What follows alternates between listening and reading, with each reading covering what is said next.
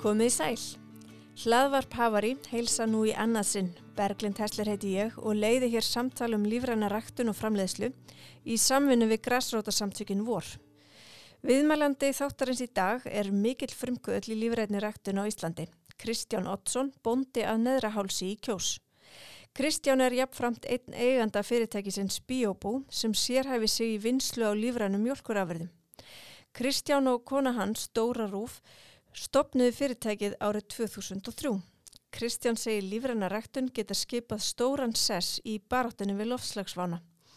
Vandin hér á landi sé hins vegar sá að enn sé glimt við ákveðna fordóma í garð lífrennaræktunar og að skortur á sveianleika hjá eftirlitsaðilum og í regluverkinu sjálfu fæli bændur frá eða verði til þess að þeir missi móðin. Að mati Kristjáns er mikilvægt að líta á lífranna ræktun sem þróunaverkefni, sér í lægi á meðan hún er að festa sér í sessi. En nú skulum við gefa mistara Kristjáni orðið.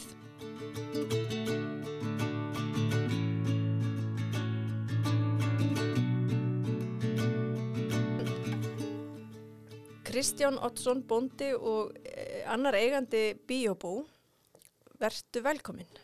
Takk fyrir. Af hverju ákast þú að gerast bondi? Já, það leiti nú í sjálfur sér bara af sjálfur sér vegna þess að ég er fættur í sveitinni, fættur hann er átti, ekki í Reykjavík, ég er fættur hann er að ég hef búin að alast þarna upp frá barnsbeini. Og maður tók náttúrulega þátt í landbúnaðinum eða störfunum að búinu eftir því sem maður óks upp og hafið þorska til og getu. Þannig að og það var í sjálf sem engin annar af okkar sískjunum sem að svona var að hugsa í þessa átt mm. Þannig kom eiginlega bara ekkert annað til greina Nei, neða, þetta bara var sjálfgefið sjálfgefið val sko mm. Hvernig búskapur var á þessum tíma? Já, þarna á þessum tíma þá vorum við nú með blandaða búskap kýr og kindur og, og hænsni og hross en uh, síðan uh, fórum við í félagsbú saman við ég og fæða minn og þá var ákveð að einfalda þetta og halda engungu kúnum eftir. Það var svona það var svona meira talið hagkvamara og jörðin hann á okkur þetta er ekki fjárjörð ber ekki söðfjö og við fórum frekar út í það að að rækta skjólbelti og annað því og gera betur við kynnar. Voruð þið með margar kýr? Já, við vorum með ykkur á 32 mjölku kýr á þessum tíma þarna í, í byrjun og það er svo sem ekki breyst mikið síðan. Við erum með í dag eitthvað um 45 mjölku kýr. Mm -hmm. um, og hvenar tókst þú svo alfarið við? Já, það var... Uh, árið 1982 þegar faða mér fellur frá að þá kaupi ég jörðina á samt konu minni Dóri Röf jörðina af friskinu mínum. Og það var árið 1984 og já, já. og konaðinn hún er svisnesk já, hún er svisnesk og kom hérna til Íslands sem ferðamæður 1980 og hún ákvaði að vera hérna í þrjá manni og vildi gertast kyn, vildi gertast kynnast þjóðinni hún hafi haft augast á landinu í nokkuð tíma og og setur sér í samband við bandarsamtökin og þar sem hún vildi eigða tíma á búi ykkur búi á Sveitabæ ja. og hún og það er síðan Agnar Guðnarsson hérna bladafulluði fyrirhandi hérna bandarsamtækana ja. en pappi og hann voru góður vinnir og hún kemur svo sé til okkar í gegnum hann. Og og eftir það þá var ekki aftur snúið fyrir hana. Það var bara þannig. Einmitt, skemmtilegt. hún er búin að bara vera hér síðan. Já, einmitt. Og kom hún eh, með svona nýja stefnu og ströyma frá Sviss? Já það var, já það má segja það að sko ég var nú alltaf svona frekar andsta, í andstöðu tilbúin ábúrð bara þegar ég var Bara strax krakki- upp að, já, bara þegar ég var að bera þennan ábyrða á að þá fannst mér alltaf það er eitthvað skakt við þetta. Áhugavert. og þetta þetta var ekki frá hjartanu komið. Þetta, veist, ég bara já, það að hætta að nota tilbúin ábyrð það, það var frá hjartanu það var bara hjarta sem ákvaða og það var á þessum tíma þá var lífran ræktun út í Sviss og út í Európu komin miklu lengra heldur en hér. Og það var svona einhvern veginn lógist að fara út í lífran ræktun. Við varum líka að stunda jóka og hugleyslu og það var alveg í þeim anda að nota að rækta lífrænt og fa faði minn hann dón úr krabbaminni og við erum atvaraframlendur Einmitt. Þannig að það, það var þessi hugsun. Að lifa meira í sátt við náttúruna. Og það bara það bara þróast í þess áttina. Þetta var bara svona löng þróun. Einmitt.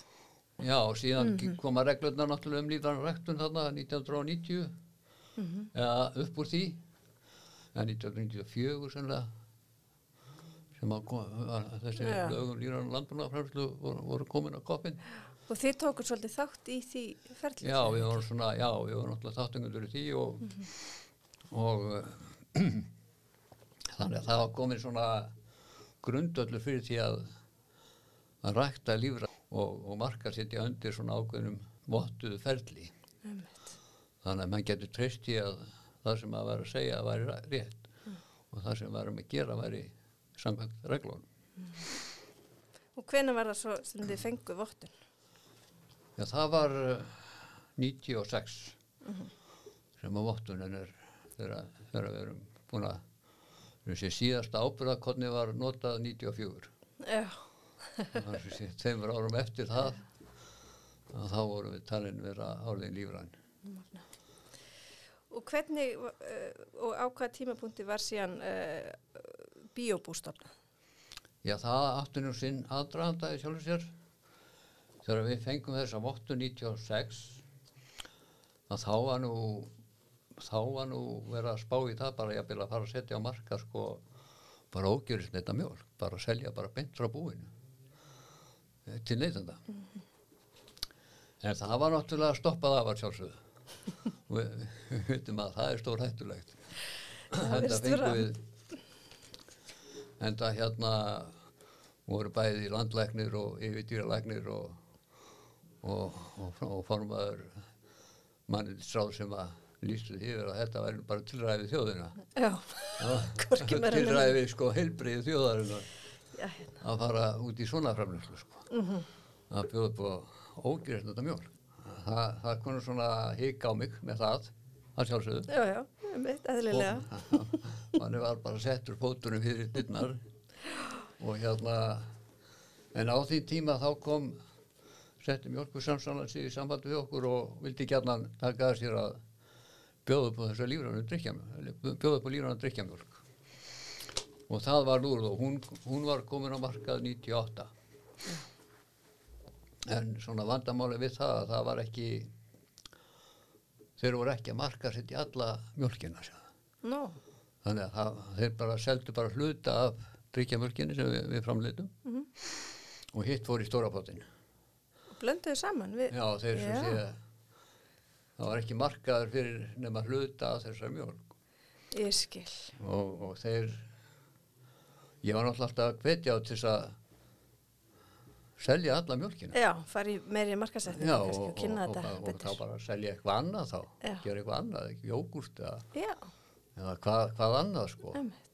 Til þess að þróa markaðin og undirbúa það að fleiri geti komið að þessu. Mhm. en þeir voru ekki tilbúinir í það þannig að Já, við svona buðust til þess að gera þetta þá bara fyrir þá. Og þeir samt það. Og það var til þess að við stopnum þetta bíabú uh, sumarið 2002 og förum með fyrstu jógurstun á markað árið 2003 og síðan höfum við verið á markanum Það er meitt.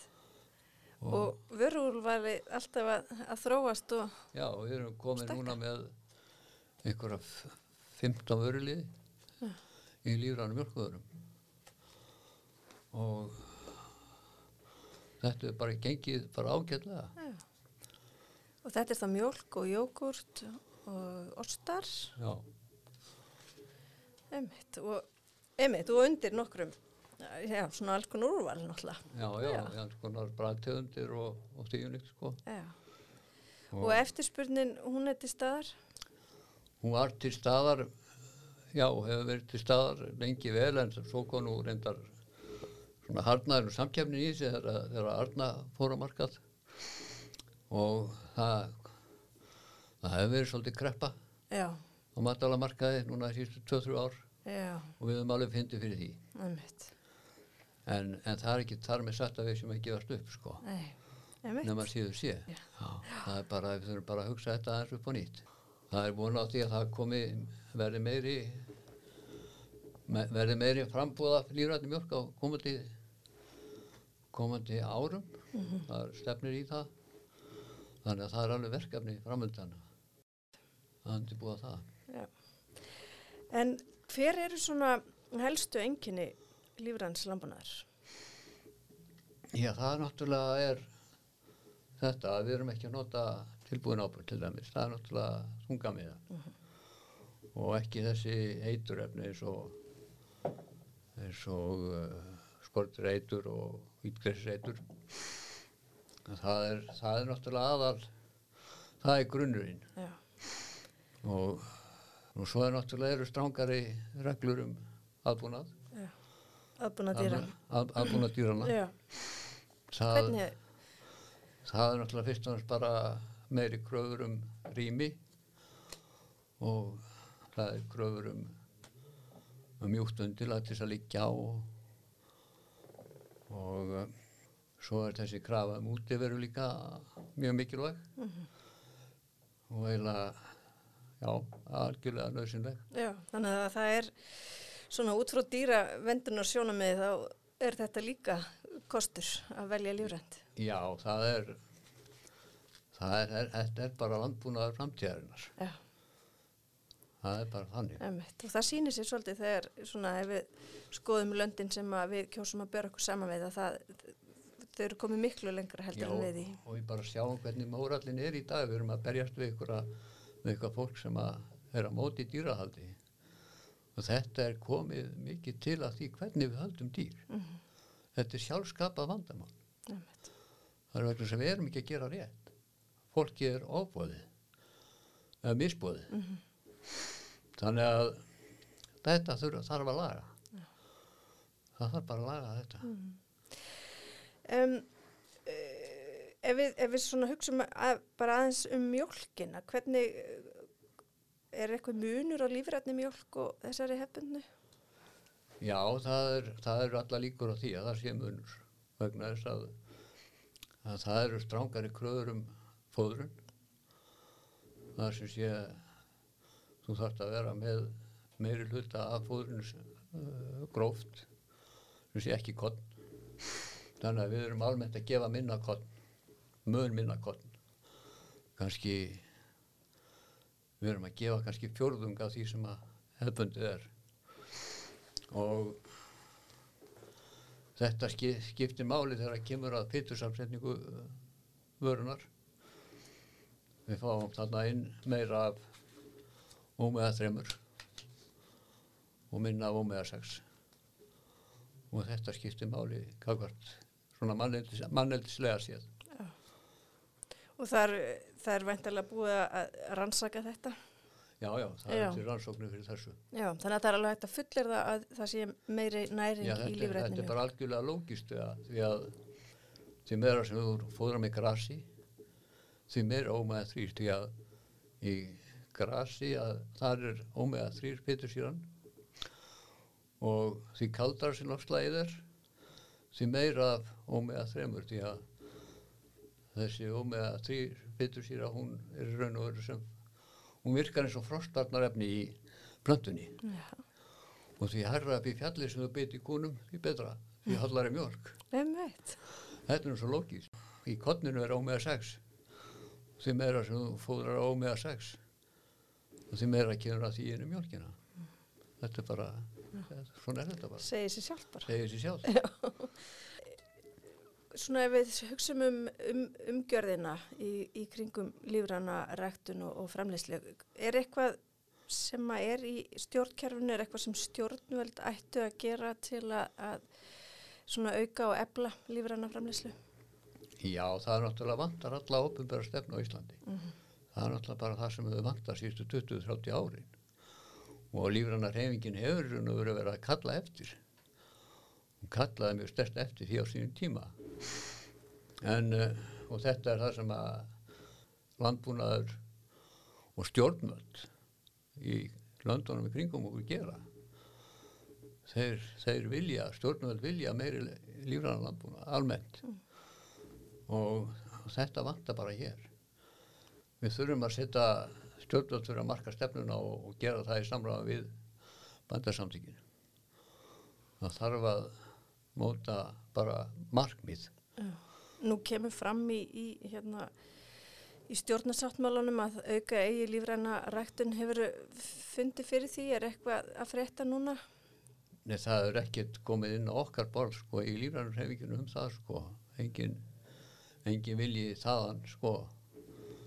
Það frekar að við séum að herja á stofnarnir landbúnaðarins og, og, og við erum búin að fara að heimsækja ráð þeirra og, og hvetja á í þessa átt en það svona gerist lítið.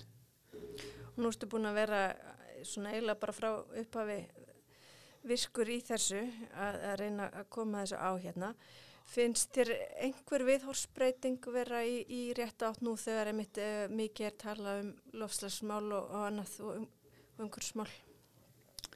Já, það er, það er nú ákveðin svona ákveðin uh, viðhorsbreyting þannig að því leiti til að menn eru jákvæðari. Mér finnst það nú vera þannig sko þó að, þó að menn sé nú ekkert að hlaupa til sko. En það er eitthvað, eitthvað sem vantar upp á til þess að menn áttu sjá mikilvæginu. Það er bara það, það, það sem hefur háð okkur svona síðustu tvo ára tíu eða svo að það hafa verið ákveðni fordómar í gangi gafat lífranni ræktun og þessu lífranna vottunarkerfi. Það er svona, það hefur verið svona ákveði vandamál þar við að etja og ákveðni fordómar sem að við þurfum að komast í gegnum.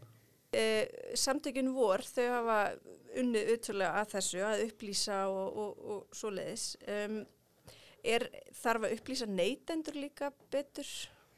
Já, við erum svona félagi, það er í svona ákveðinni herrferð einmitt í tí að, að, að hveða niður þessa fordóma, gafið líðrættirættun. Það þarf að skapa stemmingu fyrir líðrættirættun á Íslandi almennt. Það þarf að uppfæra hugmyndafræðina gagvart bændunum og ekki síðu neytendum og, og, og stjórnvöldum því að e, lífranræktun hún er hún kemur núna mjög stert inn bara vegna loftlagsmála hún, hún, hún getur raun og verið komið inn sem ákveðin lausn þegar þegar kemur að bindingu koldvísings úr andruslofti við erum að rækta upp þetta náttúrulega ferli sem að gerist í ræktun að það er bindinga koldvísing úr andrúrslóttinu og við bindum það í, í jarðveginum. Þetta er það sem náttúrun hefur gert á síðustu tíðust árum og við byggjum okkar framleyslu í dag á þessu jarðvegi sem er, bara náttúrulegt ferli. En í dag erum við að yfirleikja þetta þennan jarðveg vegna þess að við erum ekki að nota réttu aðferðunar í ræktun við erum að nota þennan tilbúna ábyrð sem að er í raun og veru ekki það er, það er ekki sjálfbært það er ekki sjálfbær ræktun. Og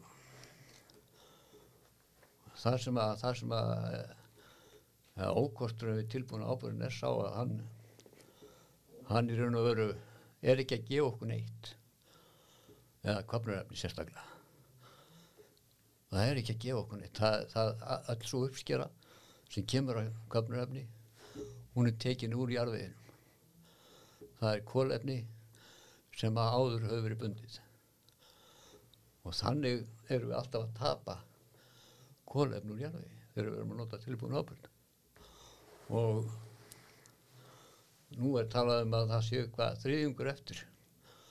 Þriðjungur eftir af ræktunarefni í, á, á koldrættarsáðunum 60 uppskjörur þeir geta fengið 60 uppskjörur í viðbútt á, á besta ræktunarlandi heimsins á koldrættarsáðunum 60 uppskjörur 60 uppskjörur eftir. Ekki stund og hérna hvað ætla menn að gera svo? Þegar þessar uppskýru eru í höfn og þetta þetta þetta er náttúrulega vegna þess að þetta er, er náttúrulega mikil, á, mikið álag. Þetta er ekki bara tilbúin ábyrðin þetta eru plægingar og og opnir akrar yfir vetur og annað því nýtt útskólun og fók en en samt sem áður að, að tilbúin ábyrðin hann er ekki hjálpa til. Og, og það er eins með hérna hér á Íslandi sko menn menn hérna trúa og dyrka tilbúin ábyrðin en, en hvað tók það okkur langan tíma að eðilegja flóru Íslands? Skóana og, og, og graslendið á hálendinu og viðar það tók okkur túsund ár. Nú það er talið að að mýrarnar sem við hefum nú tappað af núna en það sé að losa um 20 tonna ári það er 1 cm á ári sem að mýrin lækkar. Þannig að mýri sem er fjara metra há hún er farin eftir fjör, fjör, 400 ár. Svo notum við tilbúin ábúr líka að hann hjálpa líka til. En þess við heldur fram sem horfir og þá getum við verið búin að eðilegja rækturlandi í okkur hérna á næstu 400-500 árum. Þetta, þetta er sá fræðilega möguleiki sem að getur gerst. Þannig að landbúnaðurinn er ekki sjálfbar við erum nú veru ég, ég vil kalla þetta helstefnu með reyna og klára helstefnu því að við erum að eðilegja möguleika komandi kynsluða til þess að fæða sig og klæða. Það er bara það sem það er að gera. Og þetta gerum við til að geta fengið ódýr matvæl. Ódýr matvæli sem, að, sem við hendum Mm. að stórum hluta. Með skert þriðjungur næringar matvæla er bara hend og okkur að vera að framleiða þessa gríðarlegt magn þetta gríðarlega magna matvælum með þessum gerfi aðferðum? Og henda því svo. Er ekki miklu skynsalega að, að hérna trappa sig aðeins niður og nota rækta lífrand fá aðeins minni uppskeru fá aðeins minni nýtt úr kúnum meiri næringu. og bara róliheit Emitt. Og, og gæði. Já, og bera virðingu fyrir mannu já, bera virðingu fyrir náttúrunu og vatnu sem við erum að neyta. Og nei, þetta er uh, við þurfum að snúa af þessari leið. Og það er bara ein það er bara í eina átt. Af hverju heldur að það séu fordómar fyrir lífrætni ræktun Já, það er, það er kannski að hluta til svo ástæða að við erum, þetta eru strángareglur og það hafa, hafa, hafa verið tilneyingar í þá átt að, að við erum strángari en nágrannlöndin. Til dæmis varandi aðgengi að búfjörðábyrdi. Til dæmis í Danmörku að þar, þar er engin versmiðbú að þeirra mati og þess vegna leiðist að nota allan ábyrð frá hvaða landbúnaði sem er í, í ljóran ræktun. En hérna eru við með versmiðbú, eða við höfum skilgreint þessi stóru bú sem versmiðbú sem eru að framlega ekkin og svínagjötið og, og það allt saman í þessum þrengsla búskap. Þetta höfum við skilgreint sem sem eh, sem sé versmiðbú og samkvæmt reglunum að þá megum við ekki nota skýt frá versmiðbú og ekki frá, frá búum sem eru með þrengsla búskap og þaulendi. En, en þarna út í Európa þá hafa menn svona sett svona hort svona svolítið fram hjá þessu og er ekki strángir í þessu. Og mér finnst það rétt að hafa það þannig því að ég hef alltaf litið á línan ræktun sem tróunaverkefni. Við getum ekkert þetta verður að vera þróunaverkefni, þetta verður að vera hægt því að við verðum einhvern veginn að komast út úr því kerfi sem að almennt erum í. Við verðum að komast einhvern veginn út úr hefðbundna búskapnum og til þess þurfum við gott aðgengi að ábyrði og, og svo framvegis. Þetta, þetta þarf að vera mögulegt, það er grundatratriði, Meiri sveigjanleika. meiri, meiri sveigjanleika og já. Já, Kristján, þetta er aldeilis fróðlegt. Við gætum með þetta haldið lengi vel áfram en einhvers staðar verður maður að setja punktin aftan við. Er eitthvað sem að þú vilt bæta við? Já, ég veit það ekki, það er ekki ekki í samband við þessi, þessi kólefnismál, sko að uh, hérna, Rodel Institute í bandaríkjónum sem hafa verið að rannsaka þessi mál, þeir hafa nú bent á það að, að ef myndum, ef allur heimurinn ætti að nota tilbúin ábyrð, að þá getum við raun og veru leist þetta loftlagsvandamál bara í gegnum ræktun. Því að þá myndum við fara að binda kólefni í staðan fyrir að í dag erum við að losa kólefni, það er landbúnaðurinn. Og það munar nefnilega gríðarlega miklu hvort þú ert að nota tilbúin ábúrð e eða ekki. Það munar bara öllu því að því að það er ekki bara tilbúin ábúrðin losi kólefni eða koltvísing að þá þá líka hindrar hann sko hann hindrar eðlilega bindingu. Þetta er svo tappi í rættunarlandinu og hvað erum við með? Við erum með fjóran og halvan miljard rættunarlands við erum búin að taka fjóran og halvan miljard af rættunarlandi út út fyrir svega sem að öðrum sem að ella væri sko að binda kólefni Það er ansi mikið. það, það er hansi mikið sko og þeir hafa fullirt að ef við eins og segja hættum notkuna tilbúin á vafurði þá getum við haldið hittast í jarðar innan við þau mörg sem að óska er eftir og æskilegt væri. Já, það, það er nú bara þannig. Það var nú frábært að það væri nú bara hægt að leysa þetta bara svona. það er hægt það er nefnilega allt hægt, ef menn vilja. ef menn vilja en, en, það er náttúrulega þingra kannski að koma því framkvæmt Alls konar aðrir hagsmunir sem þar myndir spilinni. Já, það eru daldið tungir almöður þar En já, við höfum ekki mikinn tíma þannig að það er vonandi að allavega eitthvað fara að þokast í þessa átt því þetta er vissulega eitthvað sem að verðt er að, að hrindi framkvæmt. algjörlega sko þetta er svo þetta er sko þetta er sko manni finnst einhvern veginn líka bara fyrir. Það væri engin vandi að að, að beina landbúnaðan inn á þessa brautir. Nota opinbjör styrkina í það að, að greiða bændum fyrir að hætta að nota tilbúin ábyrð til dæmis.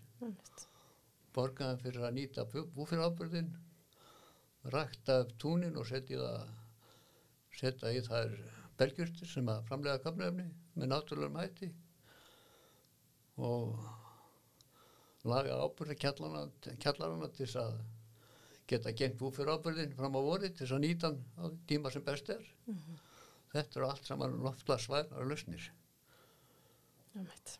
Sem er einmitt eitthvað sem við þurfum í og dag. geta svona gefið bænd, bændunum tækifæri til þess að æfa sig í lífrættur ektur það, það, það var alveg þannig sko Kærar þakkir, Kristján, fyrir spjallið.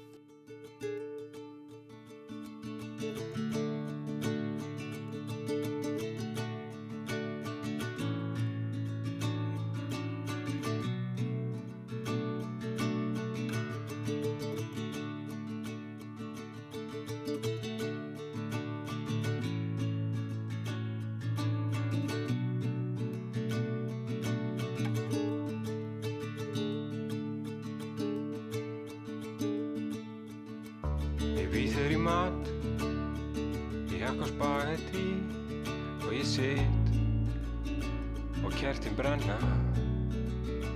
á mig gatt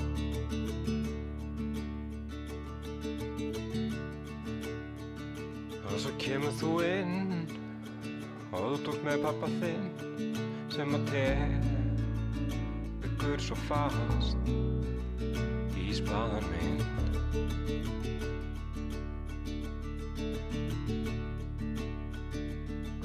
Manna er þú? Spyr hann og skýtur að mér. Blá Köldum augum Svo ég kasta upp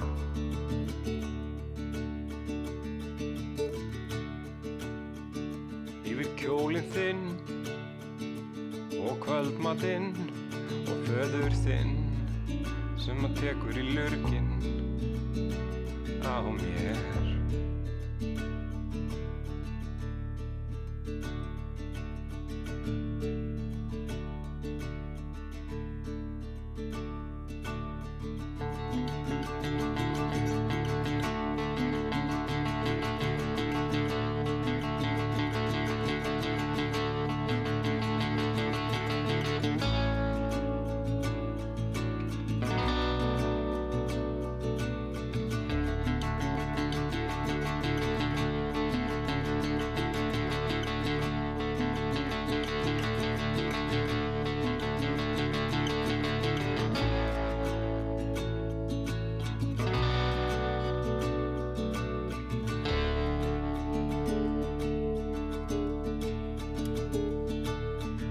Pappi bað um önd. Nú missir hann sig en ég en ég vissi ekkert um hans líf.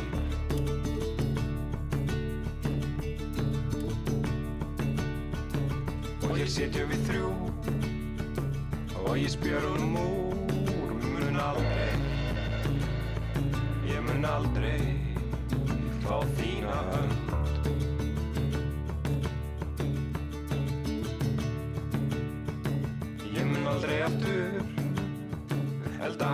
ég mun Ég mun alltaf